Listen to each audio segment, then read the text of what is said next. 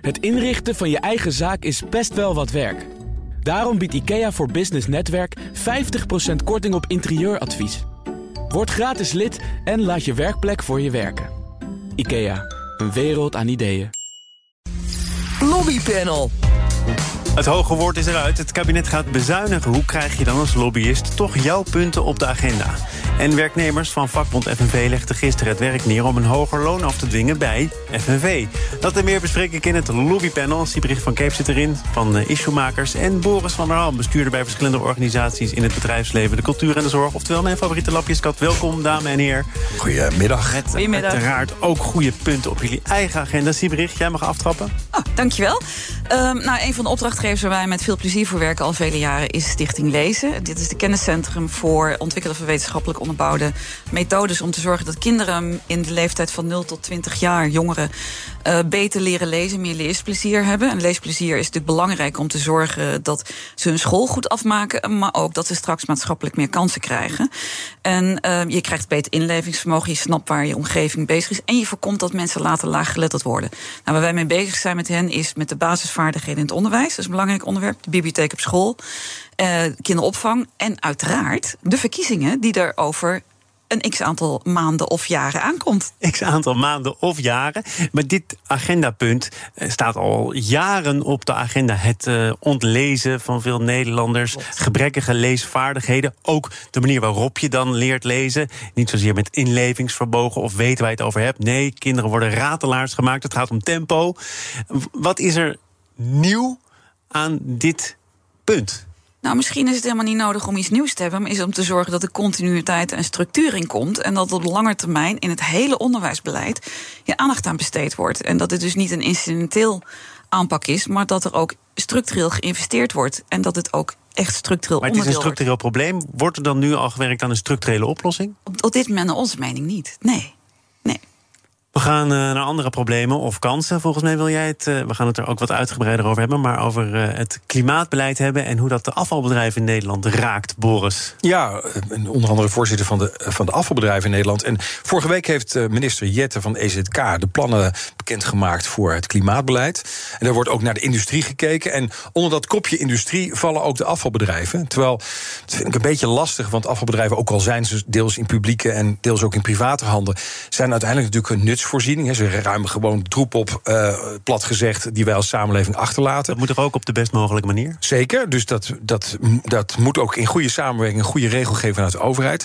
Maar de knoppen waar wij aan kunnen draaien, hoe we onze CO2-uitstoot verminderen, die zijn beperkt. Want die zitten soms eerder in het proces, wij zijn end of pipe, eerder in het proces kan je eraan draaien. Dus daar is ook echt de overheid aan zet om bepaalde zaken te, te verbieden. Bepaalde plastics niet meer uh, te laten maken, waardoor wij ze ook niet meer hoeven te behandelen. En als we er niks mee kunnen, niet hoeven te verbranden. Dus daar hebben we niet zoveel vat op. Het enige wat we wel kunnen doen, uh, als we bijvoorbeeld aan, als we na alle pogingen om te recyclen toch nog iets moeten verbranden, dan kunnen we die CO2 die daarbij vrijkomt, kunnen we onder de grond stoppen, CCS. Maar je ziet dat eigenlijk de twee velden die daarvoor beschikbaar zouden kunnen zijn, dat eentje al helemaal volgepland is en de ander nog niet uh, überhaupt vrij is gekomen. Dus wij hebben de lobby op dit moment vanuit ons is ook van, nou, we vinden die, een aantal van die plannen van het kabinet goed. Hè? Ook een verplichte bijmenging, ja, verplichting van plastics. Ik ben, ik ben, op jullie site geweest en daaruit lees ik dan inderdaad wel dat jullie de ambities onderstrepen. Het ja. is belangrijk om doorbraken te creëren, maar de kop van jullie reactie is uh, zorgen over klimaatbeleid dat sector flink raakt. En dan verderop, Nederland zou zich wel eens uit de markt kunnen prijzen, uh, want het afvalbeheer wordt hier veel duurder. Uh, en dat betekent dat er misschien wel wordt gekozen voor het buitenland. Ja. ja hoe erg is dat dan? Nou, kijk, het raar is dat het kabinet uh, een beetje twee. Um, processen bewandelt. Aan de ene kant zeggen ze afvalbeleid is, is nationaal. Terwijl je eigenlijk kan zeggen, ja, uh, we zijn in ieder geval Europa... en een deel van ons afval gaat ook naar, al naar het buitenland... maar ook een aantal van dingen in de regio rond Nederland... komt ook naar Nederland. Hè. Bijvoorbeeld in, in, in Duitsland uh, uh, wordt er samengewerkt... met de Duitse grensprovincie bij Twents bijvoorbeeld... om daar samen het afvalprobleem op te lossen. Lijkt me heel logisch. Maar je ziet dat Nederland en de regering... eigenlijk heel nationaal denken over afval, wat raar is. En tegelijkertijd kan het wel zo zijn dat het beleid wat ze nu in gaan voeren... juist leidt tot meer over de grensverkeer terugkeer van Nederlands afval. Dus ze zijn daar niet helemaal consequent in. Maar wat, wat ons betreft is, als je vindt dat die afvalbedrijven ook bij moeten dragen aan het verminderen van CO2-uitstoot, dan is CCS, dus onder de grondstoppen van CO2, een van de opties. En onze lobby concentreert zich onder andere nu ook om ervoor te zorgen dat, omdat wij een nutsvoorziening zijn, omdat wij niet zoveel anders kunnen en omdat wij ook een maatschappelijke belang eh, dienen om het afval in Nederland eh, netjes op te ruimen, vinden we dat we ook voorrang moeten krijgen bij die CCS-velden. Om ervoor te zorgen dat wij onze CCS of onze CO2 in ieder geval daar kwijt kunnen. Lobbypunt gemaakt. Ja. We gaan uh, naar uh, FNV, want medewerkers van de vakbond staakten gisteren bij de vakbond zelf. Het personeel had een ultimatum gesteld aan de directie voor een looneis van ruim 14 procent die afgelopen maandag verliep. Het FNW-bestuur heeft er geen gehoor aan gegeven. En het, het, is misschien iets om in eerste instantie even om te glimlachen of te grinniken. Maar waarom het ook een lobbypanel-onderwerp is, is natuurlijk omdat FNV op talloze andere plekken deze eis oplegt aan bedrijven. En dat nu in eigen huis niet voor elkaar krijgt, brokkelt daarmee ook de legitimatie van die eis af, Siebrich. Ehm, ja, voor een gedeelte wel, denk ik. Het maakt het de positie niet makkelijker. Um, ze hebben natuurlijk al een tijd, denk ik, onderhandeld of gesproken met hun eigen medewerkers. En uh, komt nu naar buiten met de staking. De mensen die in, de in FNV werken, zullen ook misschien ook eerder denken aan een staking dan mensen in een andere organisatie. En je ligt zonder meer onder vergrootglas. Want iedereen verwacht van FNV en van de eigen medewerkers een soort voorbeeldfunctie. Hè? Je verwacht dat de FNV gaat laten zien dat ze in een eigen bedrijf het in ieder geval goed doen. En dat ook de medewerkers, als ze nu staken tegen hun eigen bedrijf of organisatie, die moeten straks ook bij andere stakingen gaan uitleggen waarom zij wel of niet akkoord zijn gegaan met uh, bijvoorbeeld 8% of 6%, terwijl ze zelf op de barricades gaan voor 14%. Ja. Dus daar, daar zit een verantwoordelijkheid in. Maar ze kunnen er natuurlijk nog steeds veranderen door te laten zien dat ze wel op een goede manier hiermee omgaan. Dus die voorbeeldfunctie, die verwacht ik nog wel van FNV. Ja, wat jij zegt eh, wordt ook min of meer zo eh, verteld door Judith Westhoek. Zij leidt de staking bij FNV en ze zegt: Wij vinden dat het bestuurders op deze manier onmogelijk wordt gemaakt om iets anders van andere werkgevers te vragen dan ons door de FNV gegeven wordt. Met wat voor boodschap stuur je mij dan ook de wereld in, denken onze bestuurders? Ja, en ik snap wel dat dat inderdaad een ingewikkeld verhaal wordt, Boris. Ja, nou ja, je zei het zelf al. In eerste instantie even die reflex is een vorm van schadefreud. Van, uh, kijk eens hoe ingewikkeld het is om in deze positie te zitten als werkgever. Want in dit geval is de FNV even werkgever. En niet de vertegenwoordiger alleen maar van werknemers. En, en in tweede instantie vind ik het eigenlijk ook heel. Um, heb ik ook gewoon heel veel begrip voor hun positie. Want. Uh, bijvoorbeeld vanuit de gehandicaptenzorg zitten we ook nu aan het begin van een CAO-onderhandeling. en ja, dat is gewoon hartstikke ingewikkeld. Want uh, je hebt maar beperkte inkomsten. En je wil ook juist die mensen binnenboord houden. Ook bij de FNV zal dat spelen. Dus dat is een enorm complex iets. Dus ik vind het eigenlijk heel gezond dat er ook zo'n debat binnen de FNV plaatsvindt. want die lonen worden voor een belangrijk deel betaald uit contributie van de leden. Nou, dat is wel eens in een rapper tempo afgenomen. Maar echt uh, groeien doet het ook niet. Het wordt, wordt, wordt, licht, uh, neemt het toe bij de FNV. Dus misschien zien ze daar ook weer de, de werknemers dat er iets meer ruimte daarvoor is. Ik ben overigens vorig jaar lid geworden van de FNV. Ja, ik ben ook ZZP'er in sommige gevallen. Dus ik ben ook lid geworden van FNV Zelfstandigen. Dus ik, eh, ik steun de FNV aan nou, beide kanten. Wel zo, wil, wil, ik toch nog even zeggen dat er een, een, een stakingskas is. Ik geef al aan dat het dan bedoeld voor stakingen. Maar daar zit meer dan 700 miljoen euro in. En het is misschien verleidelijk om dan een greep uit de kast te doen. Maar in dit soort situaties is het moeilijk vol te houden dat FNV alleen maar een armlastige club is die het zo ingewikkeld vindt. Nou, die stakingkas is natuurlijk hartstikke hard nodig voor alle stakingen die ze overal weer genoemd. Nee, maar dat, dat is natuurlijk de overweging of het gesprek wat je met je eigen medewerkers moet voeren. Van waar waar gaat dan het geld dan vandaan komen? Gaan we met minder medewerkers uh, werken? Gaan we inderdaad de stakingskas aanpakken? Um, daar zit natuurlijk niet zo heel veel mogelijkheden voor FNV-bestuur om daar wat in aan te passen. Dus ik snap, ik snap heus wel waar een probleem zit. Maar ik verwacht wel dat ze een, voor, ja, een voorbeeldrol dat ze daar gewoon echt wel nu wel mee naar buiten moeten gaan komen. Hoe zou je optreden als je uh, werkgever was en nu uh, een stevige FNV-delegatie tegenover je zou treffen met die looneis? Hè? We kunnen alleen maar kijken naar wat er nu speelt bij de distributiecentra van Albert Heijn ja, een soepele gang van zaken of een snelle oplossing wordt er misschien op deze manier niet waarschijnlijk. Nou, ik hopelijk is er iets meer begrip over en weer. Van de, de, de, de neiging die soms ook wel klinkt vanuit, vanuit de vakbonden: van jullie willen het niet of jullie, of jullie, uh, jullie gunnen het ons niet. Dat, dat is niet de motivatie. Ik spreek nu ook even vanuit de zorg. Ik denk dat bijvoorbeeld de gehandicaptenzorg heel, heel erg zou gunnen dat mensen in de gehandicaptenzorg meer zou verdienen. Maar bijvoorbeeld wij zijn afhankelijk ook weer van investeringen vanuit het Rijk in de gehandicaptenzorg. Dus je bent niet aan het onmogelijke gehouden. En ook de FNV nu. Dus ik hoop dat het eigenlijk tot iets meer wederzijds begrip leidt, zowel aan beide kanten van de onderhandelingstafel. We gaan eh, naar de voorjaarsnota ook uitgebreid eh, over onderhandeld, al was het maar tussen de coalitiepartijen onderling. BNR Nieuwsradio. Zaken doen. Thomas van Zeil. Sieberich van Keep en Boris van der Ham zijn de leden van het lobbypanel. En we praten over de voorjaarsnota afgelopen vrijdag door het kabinet gepresenteerd. En bij die presentatie van de tussentijdse bijstelling van de jaarlijkse rijksbegroting werd duidelijk: het kabinet gaat bezuinigen. Boris, ik begin bij jou, want jij hebt een verleden als Kamerlid. En die voorjaarsnota, dat was natuurlijk altijd al een vast gegeven. Maar het lijkt plotseling wel ontzettend belangrijk te zijn. Was het dat altijd al? Of heeft het aan belang gewonnen? Nou ja, we hebben natuurlijk een periode gehad waarin er.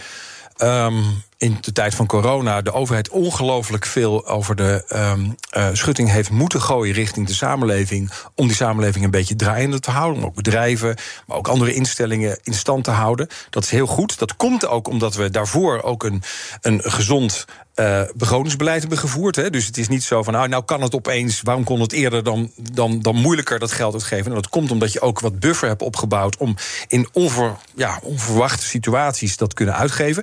Maar we zitten nu weer in hopelijk iets stabieler weer. En dan moet je ook gaan kijken, kunnen we, moeten we die toch niet gaan kijken of we iets aan de, aan de uitgaven kunnen doen. En ook aan de inkomsten trouwens. Dus maar er zitten best wel stevige uh, maatregelen in verstopt. Ja. Uh, zoals bijvoorbeeld, wat toch in het regeerakkoord stond, het uh, kinderopvang gratis maken, wordt in ieder geval twee jaar uitgesteld. Mm. Die stapregeling, overigens deze week volgens mij weer binnen drie uur overtekend, die moet wijken. Um, wat pik jij er nog meer uit, Siebrich? Qua maatregelen vind ik dit wel twee hele opvallende. En wat mij voor de rest opvalt, is dat bij allerlei verschillende ministeries overal uh, geld wordt opgehaald. En gekeken wordt wat er nog van de tafel kan vallen. Uh, mensen noemen het dan de kaagschaaf. Uh, een beetje een flauwe woordspeling. Dat maar... vind ik wel goed eigenlijk. Schaaf. Leuk. Ik hoor hem voor het eerst. Ja, ik vind het wel grappig. Dank daarvoor. Vocabulaire weer verrijkt. Ja. Uh, maar de, de, de, de essentie, denk ik, voor mij betreft, is, is dat er dus gekozen wordt is om bij alle verschillende ministeries te kijken van waar waar kunnen we wat gaan halen? Um, nou, je lost je eigen budgetoverschrijding maar op. Dat was volgens mij een beetje de precies, boodschap van, uh, van Kaag. Ja. Daar zit toch wat in? Zeker zit daar wat in. Zeker zit daar wat in. En het is ook, denk ik, maatschappelijk, en wat Boris net ook zegt, heel logisch dat we nu moeten gaan kijken van waar, waar zitten we nu met onze financiën en hoe moeten we het gaan doen. Alleen als je dan kijkt voor lobby, en dat is uh, waar we het nu over hebben, over het lobbypanel, um, is de veronderstelling dat mensen dan al snel denken van, oh, in tijden van overvloed heb je als lobbyist een, een gouden speelzaal en, of zandbak. En op het moment dat het minder wordt, dan zal het allemaal minder uh, mogelijkheden bieden.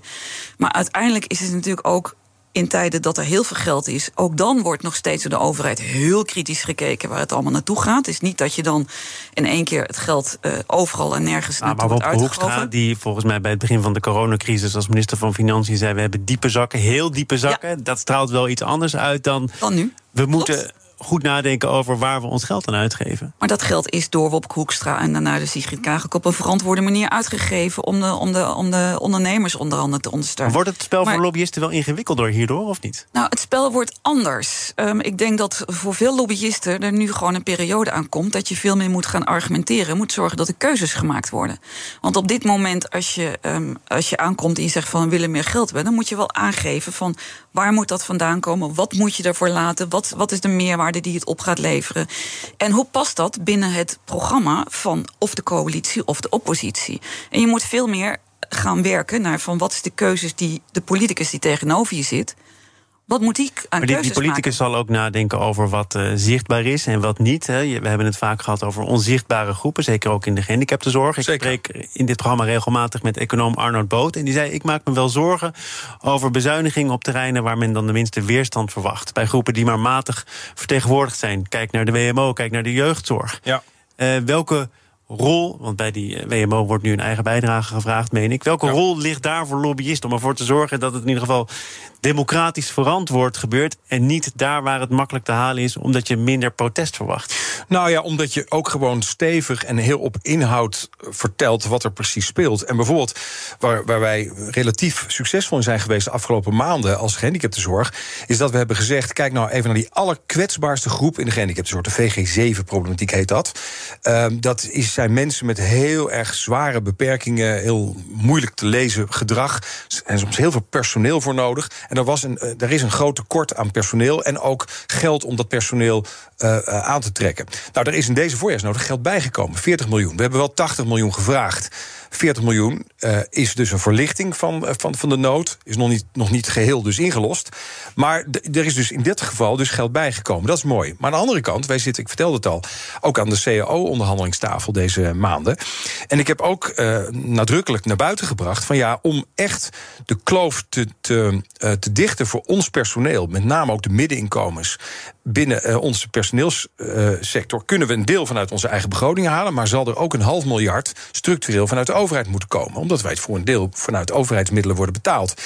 En daarin ga ik wel ver om daarvoor te lobbyen als, als, uh, ja, als, als belangenorganisatie, uh, als brancheorganisatie van de gehandicaptenzorg. Omdat als je dat niet doet, dan kan het ook betekenen dat heel veel zorg niet geleverd kan worden, dat je het op een andere manier moet gaan inkopen, wat vaak veel duurder is.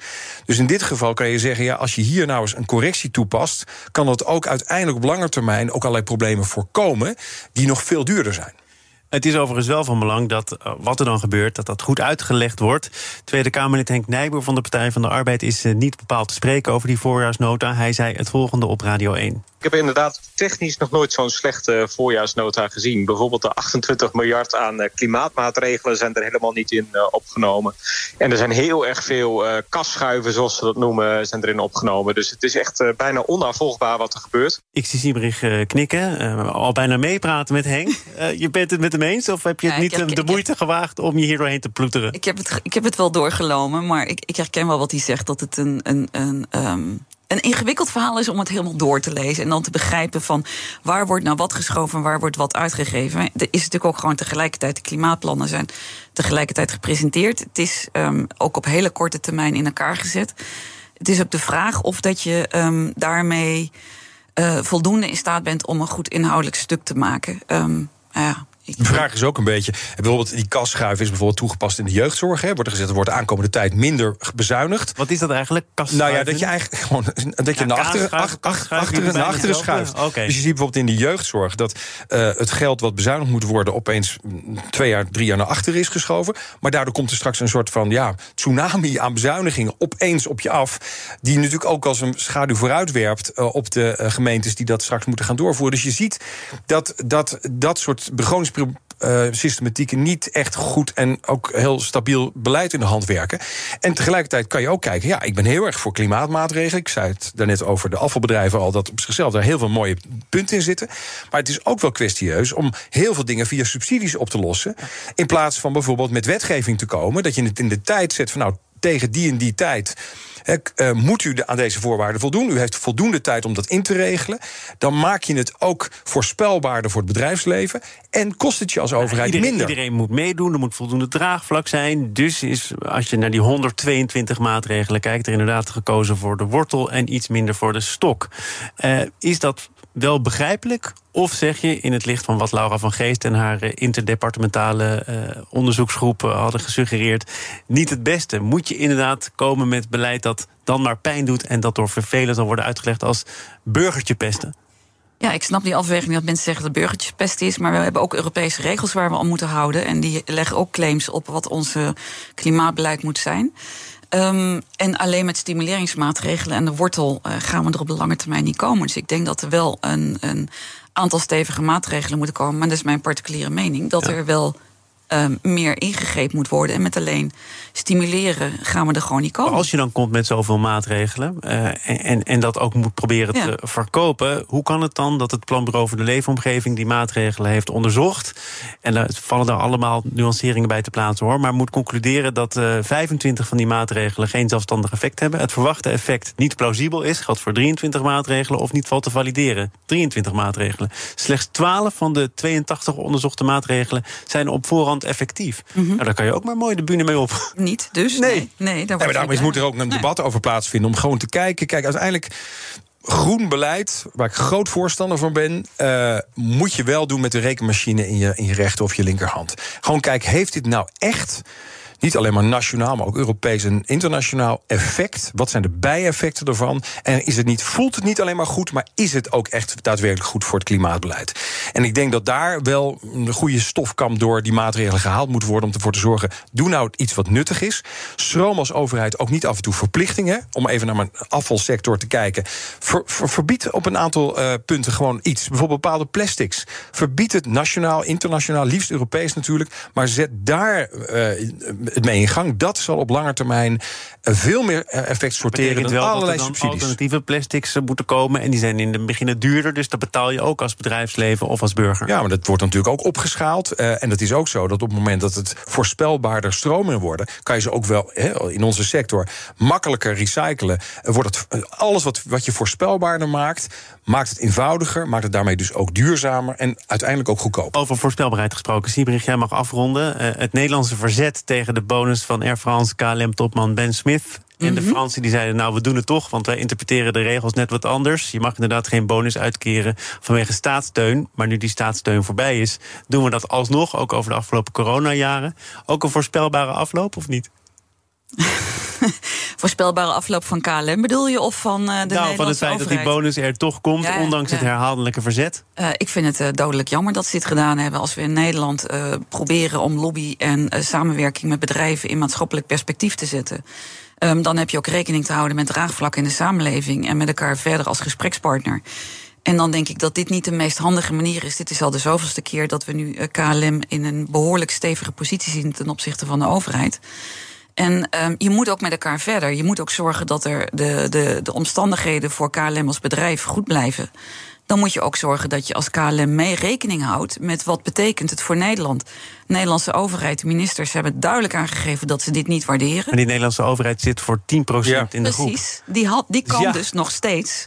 Jawel, maar dat kan geluid maken. En ik denk dat dat geluid, dat is voor een deel symbolisch, want je hebt niet de meerderheid. Maar moet je wel blijven doen. Want ik denk dat echt de tijd voorbij is dat dit soort schandalig hoge bonussen worden gegeven in het bedrijfsleven. Maar de tijd is dus niet voorbij, Boris, want we hebben het erover en het is uitgekeerd. Ja, zeker. Maar daarom moet je het blijven doen. Je moet dat uh, over blijven zeuren. Je moet er aandacht voor vragen. Ik ben tegenstander van het, van het geluid wat je veel in de samenleving hoort. van dat het grote bedrijfsleven het kwaad is. Want we hebben het grote bedrijfsleven ook heel hard nodig om al die transities naar duurzaamheid, naar socialer te maken. Maar dan zijn dit soort schandalige bonussen, ik herhaal het maar gewoon. Uh, die, die, daar moet je heel hard op in blijven hakken. totdat het een keertje kapot gaat. Dat doe je niet met 10% aandelen, maar wel met aanhoudend erop blijven hakken. Het hakken is voorbij hier. Siebrich van Keep van Issuemakers. Boris van der Ham, bestuurder bij verschillende organisaties in het bedrijfsleven, de cultuur en de zorg. Oftewel de lapjeskat van dit panel. Dank voor jullie komst. Dankjewel. En dan heb ik nog niet eens verteld dat je zanger bent, maar het gaat hartstikke goed met je singles.